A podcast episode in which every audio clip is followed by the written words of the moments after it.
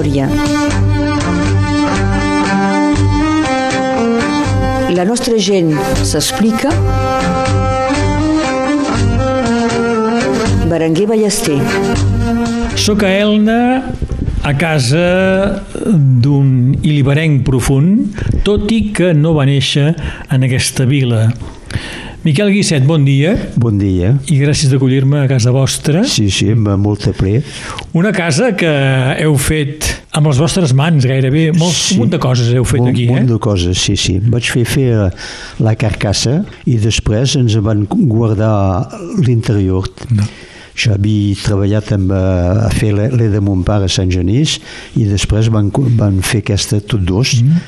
Me va ajudar també a la, a la fer. Van començar per les fundacions, sí. els Aculà. Hi havia un, un home adjat que passava i ens espiava a fer les, les fundacions i me diu, eh, petit, què vols fer aquí? Vols fer un hotel? Talament les fundacions eren amples era el meu cosí d'Argelès sí. que els havia fet eh, amb una pala, pala mecànica i els va fer un tan amples bueno, hi va haver... Doncs és una casa ben assegurada aquesta. Sí, sí, pensi que sí. Se l'emportarà pas al tramuntana, no, no, doncs. No, no, no. Abans la gent es feia, sabia fer més coses, eh? És pas que sabien fer més coses, és que tenien menester de, sí. de saber fer-lo. Sí, sí. O el feies fer i tenies prou calés per sí. ho fer, o si no, t'havies de, de fer. Sí. I és així que la casa va ser feta. Uh, Miquel Guisset, uh, vos he presentat com un iliberenc profund perquè heu presidit una antiga associació d'Elna durant uns anys, els Amics d'Iliberis, perquè heu fet un DVD, un segle d'història d'Elna, perquè heu presidit durant uns anys també l'Amical Filatèlica Iliberiana i tantes altres coses sí. que us diguen amb Elna. Sí, jo quan vaig arribar, la primera cosa on vaig ser eh, agafat el meu nin va anar a fer judo, doncs vaig fer partida de, de, del club de judo. Després un dia me diu, bon, jo aquí me musi pas, me'n vaig al club de rugby, a la GSI. Doncs va anar a la GSI, vaig pas anar de seguit i vaig, vaig acabar l'any amb els judocors i després me'n vaig anar a la GSI a m'ocupar del rugby i vaig estar també uns, uns 10 anys a propers. Sou un home doncs, d'associacions. Sí, perquè me sembla que és important dins un vilatge que hi hagi gent que s'acullin de les associacions. És la vida del vilatge, això. I vaig anar de cops eh, per hasard, així, i és així que vaig anar als amics d'Iliberis, tenia un amic que em feia partida. I doncs, hi vaig anar perquè ell hi era. I doncs al bout de qualque temps me van proposar de venir president. I jo vaig dir no, no, sol ho, vull, ho vull pas fer i bueno, aquest amic que ja havia estat president me diu si vols venir ho podem fer a dos. Doncs és així. És copresident doncs. vaig ser copresident eh, dels amics d'Iliberis i com que hi havia pas gent per ens eh, venir darrere nosaltres això va durar 10 anys. Les guitares jouent des sérénades que j'entends sonner comme un tocsin mais jamais je n'atteindrai Grenade, bien que j'en sache le chemin. Dans ta voix galopaient des cavaliers, et les gitans étonnés levaient leurs yeux de bronze et d'or. Si ta voix se brisa, voilà plus de vingt ans qu'elle résonne encore Federico Garcia. Voilà plus de vingt ans, camarade, que la nuit règne sur Grenade. Il n'y a plus de prince dans la ville pour rêver tout haut. Depuis le jour où la Guardia civile l'a mise au cachot. Et ton sentier d'enquête de l'aurore s'apprête déjà. J'entends monter par de longs corridors le bruit de leurs pas. Et voici la porte grande ouverte. On t'entraîne par les rues désertées. Ah, laissez-moi le temps de connaître ce que ma mère m'a donné. Avui faig memòria amb Miquel Guisset, estem a casa seu, aquí a Elna. Parlem de la vostra família, els eh, Guisset, vos, el pare i el padrí Sí. de Morellàs. Sem neixits tots tres a Morellàs. Mm -hmm. Jo soc neixit al 42, al moment de la guerra. El meu pare era neixit en 18, acabat de la Primera Guerra, i el meu padrí era neixit en 1866. Donc, eh, amb a 3 anem a Napoleó III, eh? A, a Morellàs eh, hi ha un munt de Guissets, no? O hi havia? Uh, hi havia, perquè quan jo era jove, hi havia cinc famílies de guissets que eren pas parents els uns amb els altres. Sí, sí. És, pensi que és eh, normal al, al Vallès de, de, del Vallespí, els guissets pervenien tots de Prats, o del Torns de Prats. I van baixar. I a poc a poc anaven a baixant l'endret on hi havia terres a treballar Ah. i se podia més, viure més fàcilment. El vostre padrí era pagès i guarda rec. I guarda rec a Morellàs del rec de Seret. I el vostre pare feia de taper. Sí, va ser... Va Al ser Bolú. Al Bolú. Va començar eh, de fer l'aprenentatge al Bolú, a casa de l'italiana. Mm. Es li deien així perquè era d'origine italiana. El seu home segur que era un català que la va fer venir al Bolú i van muntar aquesta fàbrica i com que ell va des desaparèixer li deien l'italiana. Mm. I mon pare hi va treballar molt de temps antes la guerra i després de la guerra. La indústria del tap també era important. A l'Empordà la gent anava amunt i avall, no? Sí, sí. Segons hi havia Aquí- més feina a un lloc a l'altre. La frontera va ser frontera a partir de, del, de la guerra de 14, perquè els francesos hi van posar tropes per pas que la gent passin d'una part a l'altra.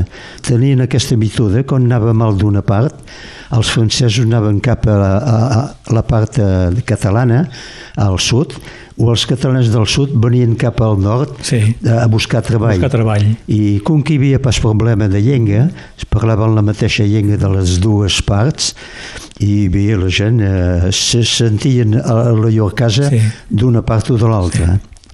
Uh, Miquel Guisset, el vostre pare, era del Partit Comunista i el 43 la policia de Vichy el va anar a cercar. Sí, van venir dues vegades a perquisicionar a casa Morellàs i bon, eh, el meu pare va dir a la meva mare bon, prepara les valises perquè si tornen a venir la tercera vegada serà per venir a cercar. Ja havien eh, posat eh, gent en presó, fent en presó. Els enviaven dins de camps que havien servit pels espanyols en 39 i doncs va dir jo eh, vull pas que me, me posin a, dins un camp Sí. doncs ens ani, ve- venim tot el que tenim i ens anirem del que van fer I ben carregats, se'n van anar cap, a, cap al nord. sí, cap al nord mon pare En tren? en tren doncs va durar 72 hores el viatge eh, mon pare portava quatre valises doncs eh, una de cada part i una davant i una darrere tingudes amb cintes i dins, entrevessant París i emprenguent la, la, el metro perquè teníem pas els sous per perdre un taxi una cinta va petar i la balisa va, va, va baixar es va obrir, no? Sí, i quan va arribar avall se va obrir.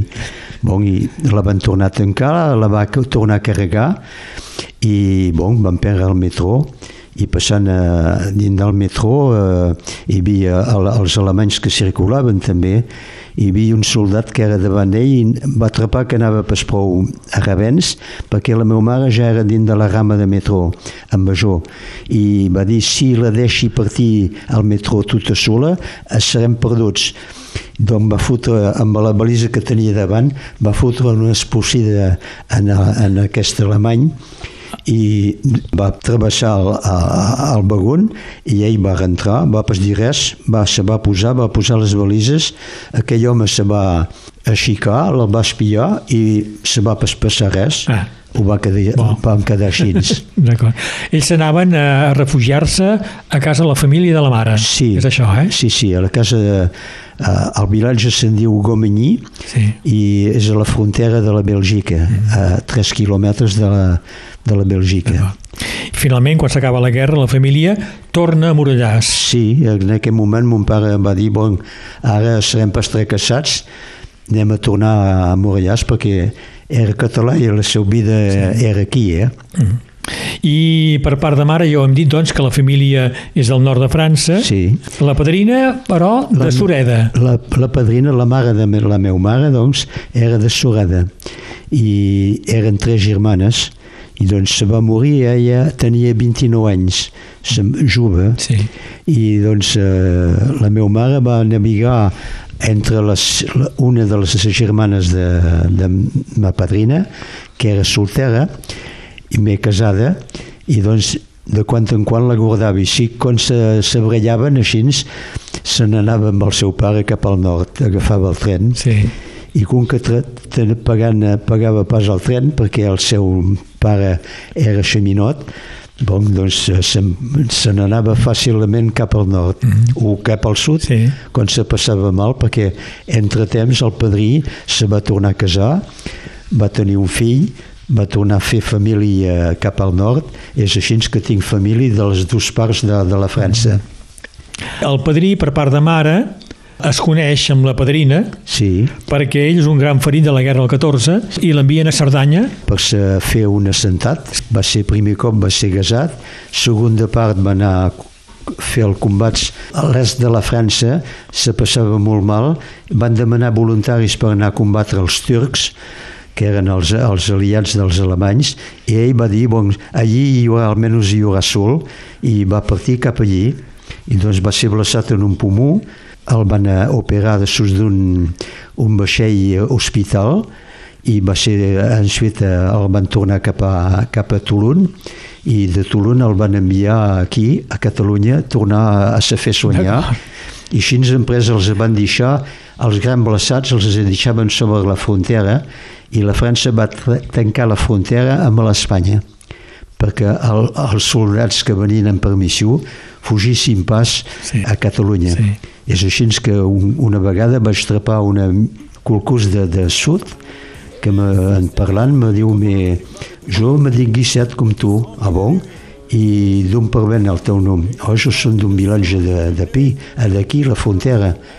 I me va contar que el seu pare era qualcús que havia fugit al moment de la guerra. mentre que el vostre padrí vigilava la frontera. Sí, sí, la vigilava Bon. tranquil·lament. Tranquil·lament, això. Les hommes avaient perdu le goût de vivre et se foutaient de tout. Leur mère, leur frangin, leur nana, pour eux c'était du cinéma.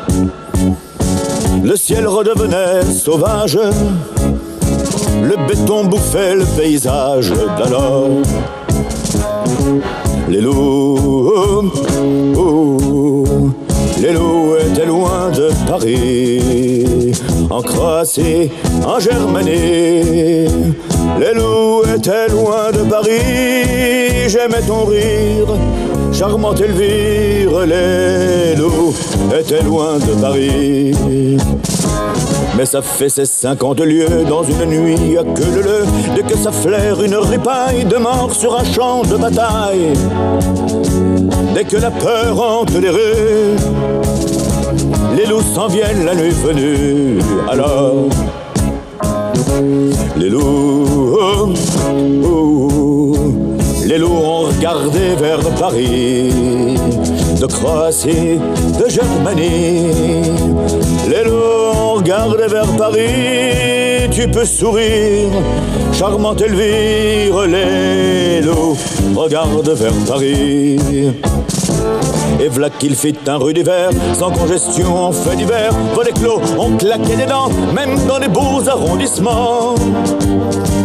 Et personne n'osait plus le soir affronter la neige des boulevards. Alors,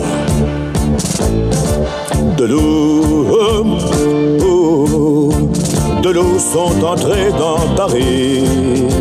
L'un par ici, l'autre par Ivry. De l'eau sont entrés dans Paris. Oh, tu peux rire, charmante Elvire de l'eau sont entrés dans Paris. Memòria a Ràdio Arrels amb Berenguer Ballester. Soc a Elna, a casa de Miquel Guisset, ja sabem moltes coses, ell, el pare i el padrí, els Guissets, tots de, de Morellàs, vos naixiu a Morellàs l'any 42, ja ho heu dit, Sí. aneu a escola a Morellàs. I vaig a escola a Morellàs fins a, a l'any on normalment se passa el certificat d'etuda Sí. i això vaig tenir la possibilitat de partir al curs complementari que després va ser un col·legi i vaig anar a fer la cinquiema a, a Seret. I acabat la cinquiema, ja tenia 15 anys, vaig dir a mon pare, jo vull eh, anar a fer la- l'aprentisatge de cuiner, que ja ho tenia al cap, hi havia dos o tres anys. Volíeu ser cuiner, ja ho teníeu previst així, sí, eh? Sí, ho havia previst. I, i dic, eh, ara, ara, siguent més ancient, dic que és important de saber el que no em vol i de fer el mestier que no m'ha triat, perquè he, he, he cruzat gent que feien un mestier que havien pas triat, Sí. Tenien pas mai aquesta joia que jo vaig tenir tota la meva carrera. Parlarem de, de la vostra carrera de cuiner, Sí. perquè heu estat cuiner pràcticament de tots els liceus Sí. d'aquí al país, eh? perquè en Sí. parlarem després. Jo vull que em parleu d'aquell Morellàs dels anys 40, veu néixer el 42. Sí, vaig néixer al 42. Com era Morellàs en aquell temps? Com s'hi vivia? Eh, era molt... Era una, una vida que té per res més a veure el que la, la gent ara coneixerà per més això. Hi havia cinc o sis endrets on se feien taps d'on la gent eren tapers, eh, era co- qualcom... Que era la indústria més important de sí, Morellàs, sí, eh? Sí, sí, hi havia molt tallers, que hi havia, hi havia 25-30 persones que treballaven. Eh, tant homes que dones. Mhm.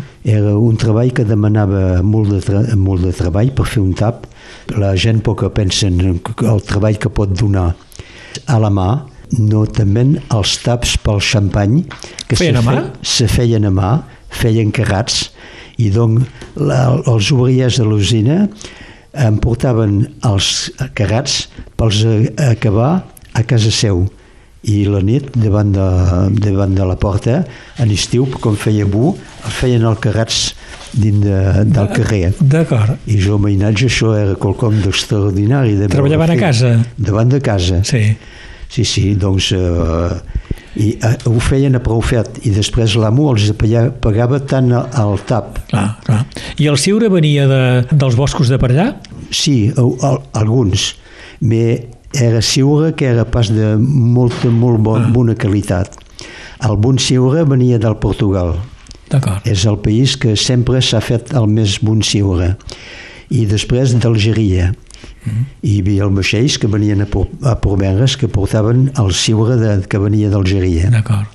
A Morellàs, anys 40, vos sou mainatge, la gent treballa a la indústria del ciure Sí. i el mainatge com viu Morellàs en aquell Ah, moment? Nosaltres ho, ho, és molt, molt bé per nosaltres, eh? perquè podem córrer per tot. Sí.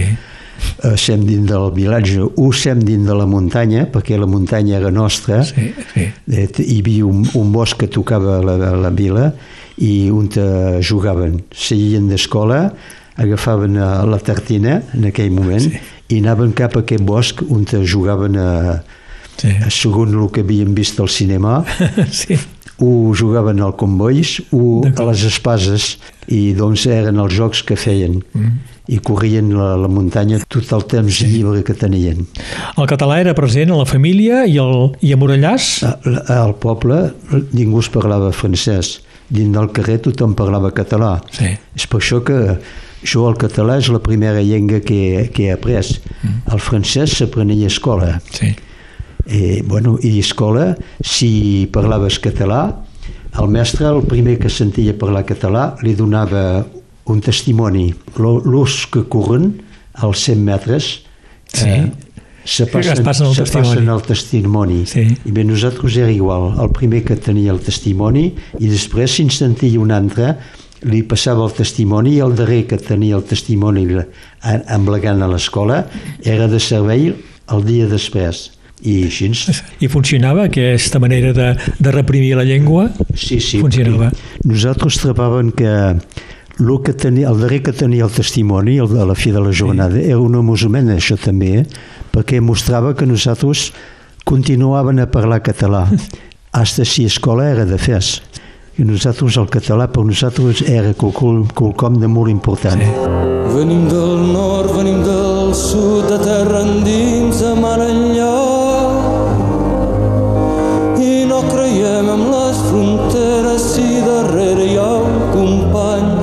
Les seves mans esteses a un per vindre alliberat.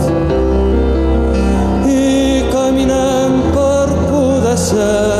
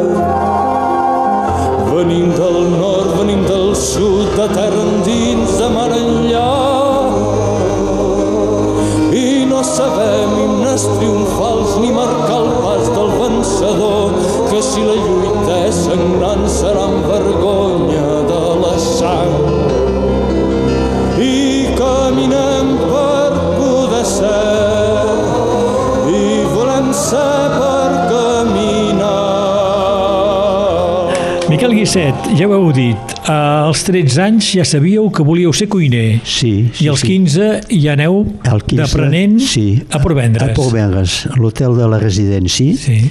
on eh, m'hi quedaré fora dos anys, perquè eh, trepavi que anava pas com jo volia, aprenia pas prou. Ah, I, per què voleu ser cuiner? Això, cuiner, Ho recordeu? pas exactament, no. Ah. La meva mare cuinava, és ella que cuinava, després eh, van tenir un cafè a Moriàs i van, van fer arrendirien una auberge en francès mais era un, un hostal Sí. eh? i feien menjar la gent que van començar així, que hi, hi havia representants que passaven i hi havia pas cap hostal a, a, al vilatge i li demanaven si podia fer menjar quelcom i doncs a la fi la mare, la mare va dir bon, podien obrir un restaurant tot, tot compte fet. Sí. i van fer això i després fent un restaurant va fer venir gent de, de París en vacances al vilatge ell, eh, com que era comunista el seu lloc de, de, de, per atrapar els clients era l'humanitat diumenge. I doncs en un moment a Morellàs hi havia molt de comunistes que venien a l'estiu Que posava publicitat. Eh... Ah, posava la publicitat so- sobre de l'humanitat diu, diumenge Bé, doncs aneu a Porvendres a aprendre a fer de cuiner, però hi, hi passeu dos anys. Dos anys, I veieu que aquí no apreneu gaire cosa. Sí, vaig aprendre el treball del peix. Era un indret on se menjava molt bé, un dels millors restaurants de la costa, i doncs eh, el peix, que anava al crompar, al crompar al, a, les, a Proveres mateix, i després cada dissabte l'amo m'aprenia amb ell a Perpinyà per anar a fer el mercat. És important això perquè després és quelcom que m'ha sempre molt agradat, encara avui, les comissions jo que els faig a casa. És important saber comprar. Sí, sí, sí perquè per fer cuina cal saber eh, el que cuinaràs sí. i doncs cal comprar el que Sí. tens ganes. Després de Porvendres, aneu a l'Hotel de França a Perpinyà, Sí, aquí... a Les Chansons. A Les Chansons era el nom del restaurant de l'Hotel de França. I Les Chansons era conegut, era la família Buigàs, que eren els amos. Eh, ja jo vaig treballar amb el fill, que, i encara el pare de quan en quan passava a agitar un ull a, la cuina. Bé, doncs era quelcom de, de molt important. Bé, el que va ser important per jo va ser el xef cuiner que va tenir, que vaig tenir, era un home petit de talla, feia un metre 52 o així, que havia fet la guerra de 14, havia fet 3 anys d'aprentissatge al Negresco i 3 anys d'aprentissatge de pastisseria. Donc era un obrier complet, eh, molt tècnic, eh, que ens contava el que ens feien pas, que feien pas més perquè hagués costat massa car de ja, i ens ho contava com s'havia de fer i així. És per això que de cops eh, s'han estonat gent perquè mostrant que sabia fer coses que mai havia fet, més sabia com s'havia de fer eh, fer un peix, el decorar, en fi, així.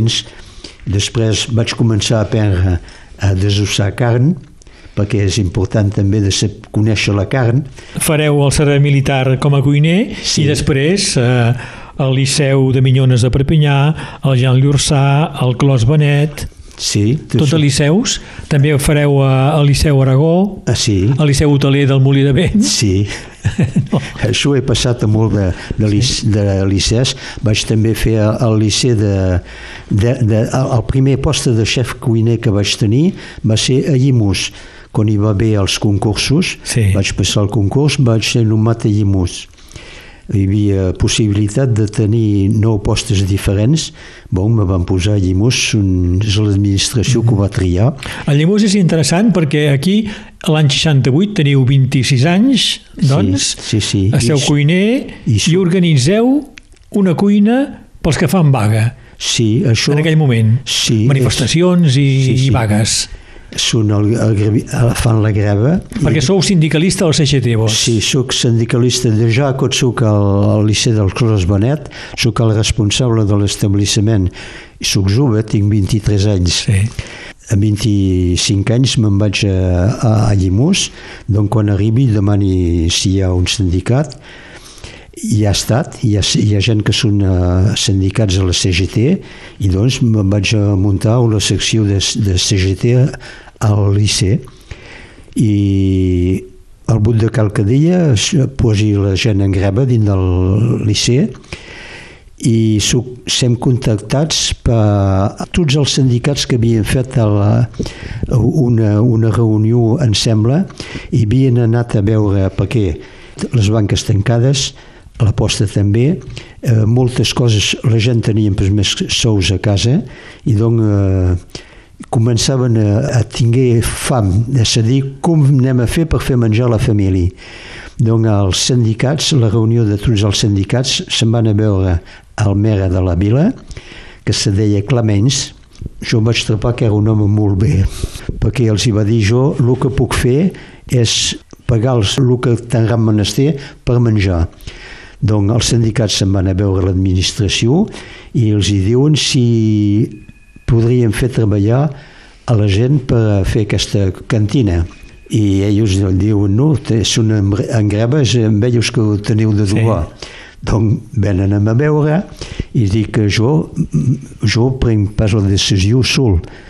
Reuneixi tothom i els hi proposi i me diuen, bon, com veus les coses, que ets responsable, doncs els expliqui com se pot fer, ens posem d'acord tots i posem eh, en... Poseu en plaça una, en una plaça cuina? Una cuina. Una cuina d'on els sindicats donaran tiquets del sindicat amb el tampon del sindicat, com que donen a tal la família tenen dret a tres, a tres repeix, quatre repeix, cinc, poc importa, és ells que decidien, eh? Sí. segons la família que tenien i doncs eh, després a 10 hores tenien de dir el número de gent que t'anarien a migdia. Donc, a, I venien a menjar I venien allà? A, a buscar ah, el cercar, menjar, eh? sí, sí. Amb, uh, tenien de tenir gameles o qualcom per, per posar el repeix. Sapigué que tenien una entrada, un plat de carn o de peix o de un llegum i un dessert cada família. Sí. En un moment donat feien més de 800 repeixos cada dia. I no teniu dificultats per trobar material?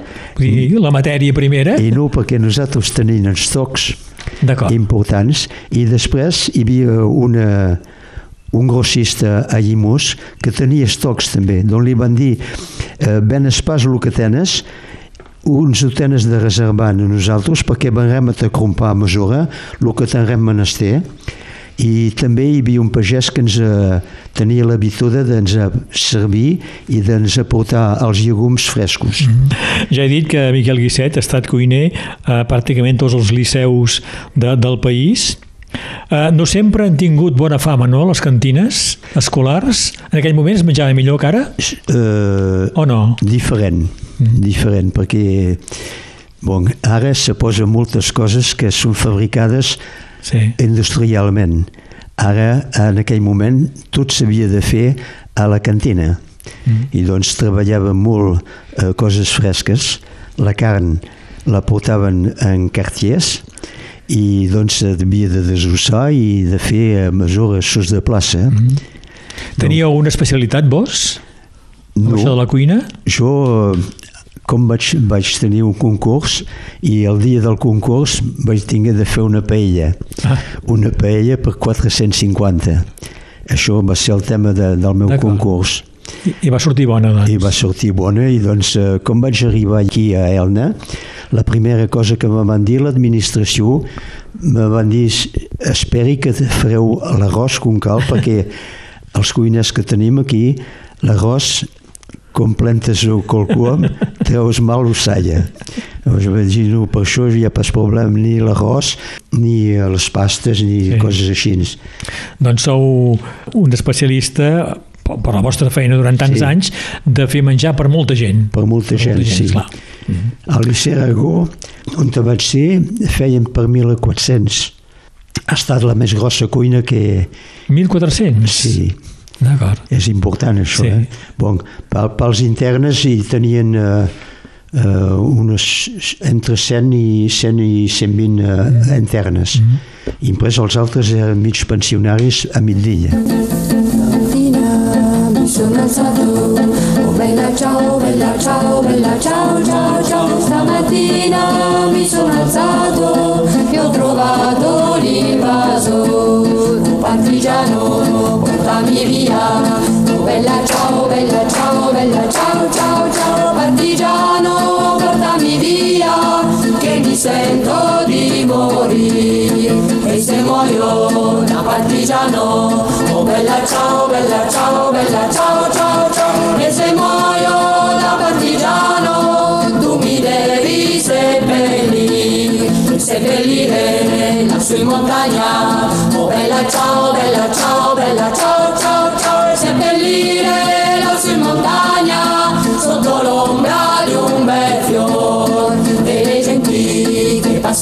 passeranno. Oh bella ciao, bella ciao, bella ciao, ciao, ciao. E le genti che passeranno mi diranno che bel fiore. questo è il fiore del partigiano. Oh bella ciao, bella ciao, bella ciao, ciao, ciao. E questo è il fiore del partigiano morto per la libertà. E questo è il fiore del partigiano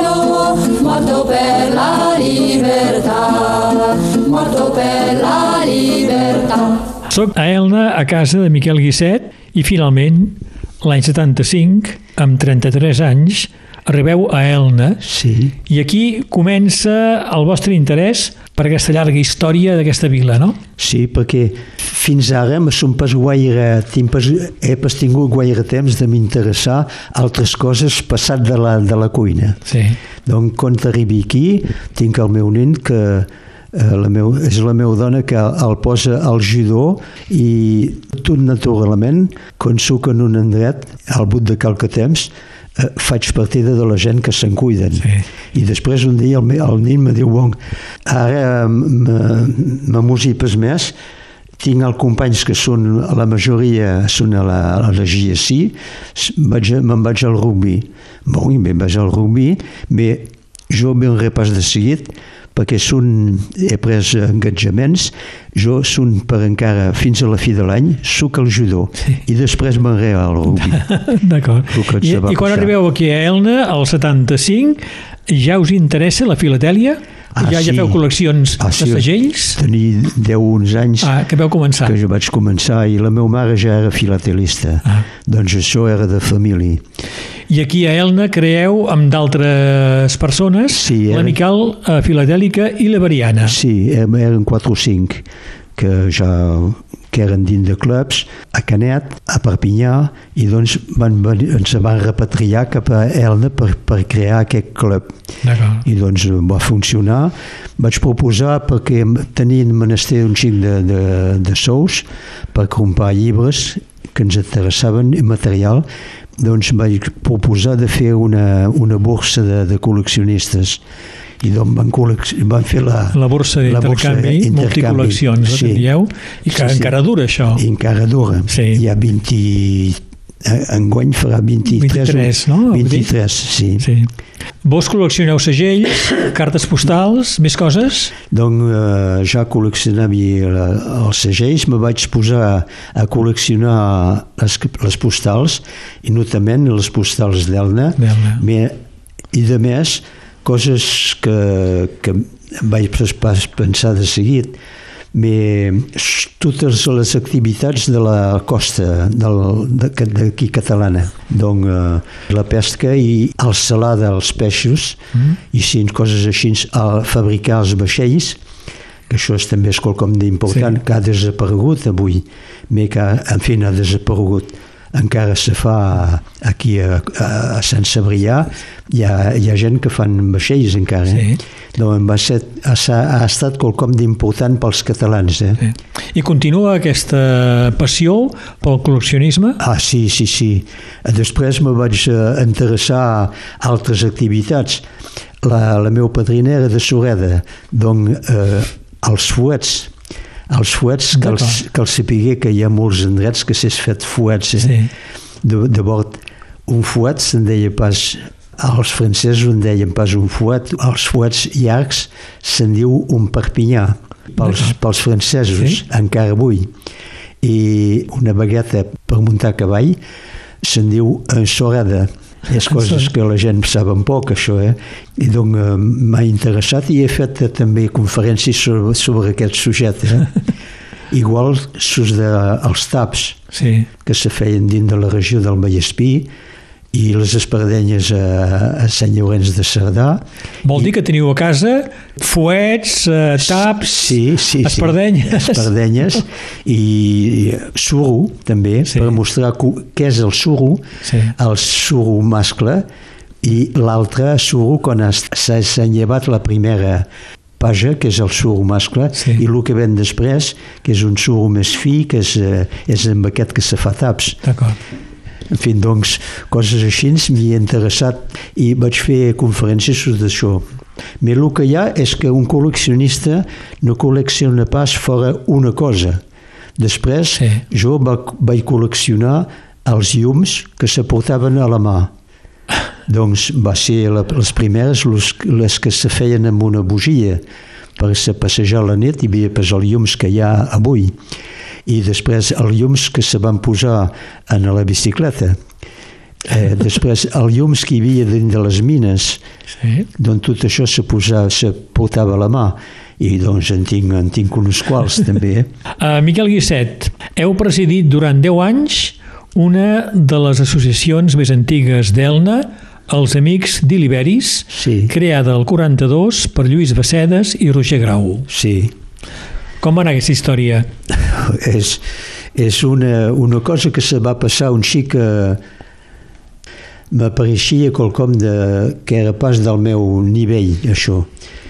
Bon, i vaig rentrar un xic per accident, perquè hi havia pas ningú per reemplaçar la presidenta del moment, que era una, era una liberiana també, i doncs bon, eh, la van reemplaçar així per normalment un any i després, com que teníem pas ningú per ens reemplaçar, bon, va durar 10 anys aquesta història. Mm -hmm. I al bout de 10 anys van dir, bon, si ningú ens reemplaça pas, nosaltres ho leguem perquè ara comencem a, ser, a tenir edat i ens cal reemplaçar. Sí. I, bon, I llavors les coses van butjar en aquell moment. D'acord. I amb els amics liberis feu un DVD un segle d'història d'Elna en català i francès. Sí, això ho vaig proposar a la tresoriera que havia estat presidenta, mademoiselle Travis, que era concurs d'important, havia estat, eh, havia estat consellera municipal, adjuenta a la cultura, i doncs li vaig dir aquesta idea que tenia, ja hi havia un moment que ho tenia, volia escriure un llibre, però em vaig trobar que un llibre per jo era més, més complicat de fer i vaig pensar que un DVD seria més fàcil. Així ens... I vau utilitzar moltes cartes postals d'Elna, Voilà, tenia, que teníeu a la col·lecció. Tinc eh, una grossa col·lecció de postals d'Elna. Els amics de llibreria tenen també una grossa col·lecció de postals i també de fotografies antics. Doncs me vaig servir d'això per fer aquest eh, DVD amb un concurs que feia partida de, del cinema de- d'Argelès i que va portar al costat tècnic per fer això. I en aquest DVD, Miquel Guisset, mostreu com Elna, amb l'arribada del tren, aquest tren de, Sí. de Perpinyà per vendre's, va esdevenir una capital important Ja. de l'agricultura, el Rosselló. del Rosselló i de França. Va ser un dels primers mercats que hi va haver a França tan importants eh, que alimentaven a Toulouse i després també Lyon i la capital. Va ser el, el llegums, però també la fruita. Sí. És així que eh, després d'ell va, va començar i va fer una cooperativa que a moments, al moment de la saison, hi havia més de mil persones que treballaven aquí a Del, eh? Hi havia conservaries també. Conservaria, sí. Sí. I doncs dins del DVD parli de tot això també, aquesta, el que se va passar eh, era quelcom de revolucionari, perquè aquí era un vilatge on eh, la gent treballava en la terra, més fora que la terra, i després hi va haver gent que treballaven a, Adel, que era com una usina, era una, quelcom de molt important. Bé, acabem parlant de músiques. Uh, us he demanat quines músiques voleu que posi en aquesta memòria i la primera cosa que m'heu dit és una cançó de Serge Reggiani. Sí, Les loups sont rentrés dans Paris, que és la trapi molt guapa, Sí. que parla de lo que se va passar és pas dit així, però quan els alemanys van entrar dins de París l'any 40 i doncs eh, parla d'això sense dir el mot d'alemany Alemanys. me parla de el llup que és gris doncs se dona a pensar el que coneix un xic l'història que parla d'aquesta fera doncs, Vos, eh, de de molt petit, molt petit, amb la família, veu passar per París, pel París ocupat Sí. pels alemanys, eh? sí, sí Una cançó també de Jean Ferrat. Sí, també. Mm. Que parla de, també de- de- d'un poeta que, que ha estat molt important, que va ser assassinat pels fascistes a, a Espanya, eh, pensi en Lorca. García I- Lorca. Sí, García Lorca, que ha estat qualcú de- d'important també. I m'heu demanat també una cançó, diu, italiana, d'aquelles revolucionàries, Sí. com el Bella Ciao. Bella Ciao, Mataquí, eh? també és quelcom de... Eh, de volta la cançó és molt bella, Sí. la cançó, el ritme també, I Lluís Llach també. Ah, Lluís Llach també ha estat qualcú que he molt estimat, eh? N'hi ha moltes que m'agraden molt, eh? Una que es veieu un poc, un poc menys coneguda és Venim del nord, venim del sud. Sí. Aquesta cançó, això me parla molt. Us heu emocionat, fins i tot. Sí, sí, sí. Miquel Guisset, gràcies d'haver-me acollit a casa vostra aquí a Elna i d'haver accedit a fer memòria per Ràdio Arrels. Bé, gràcies a Radio Arrels d'haver vingut aquí, eh? I bon dia. I bon dia també, eh? i bon dia a tots els que escuten a Radio Arrels.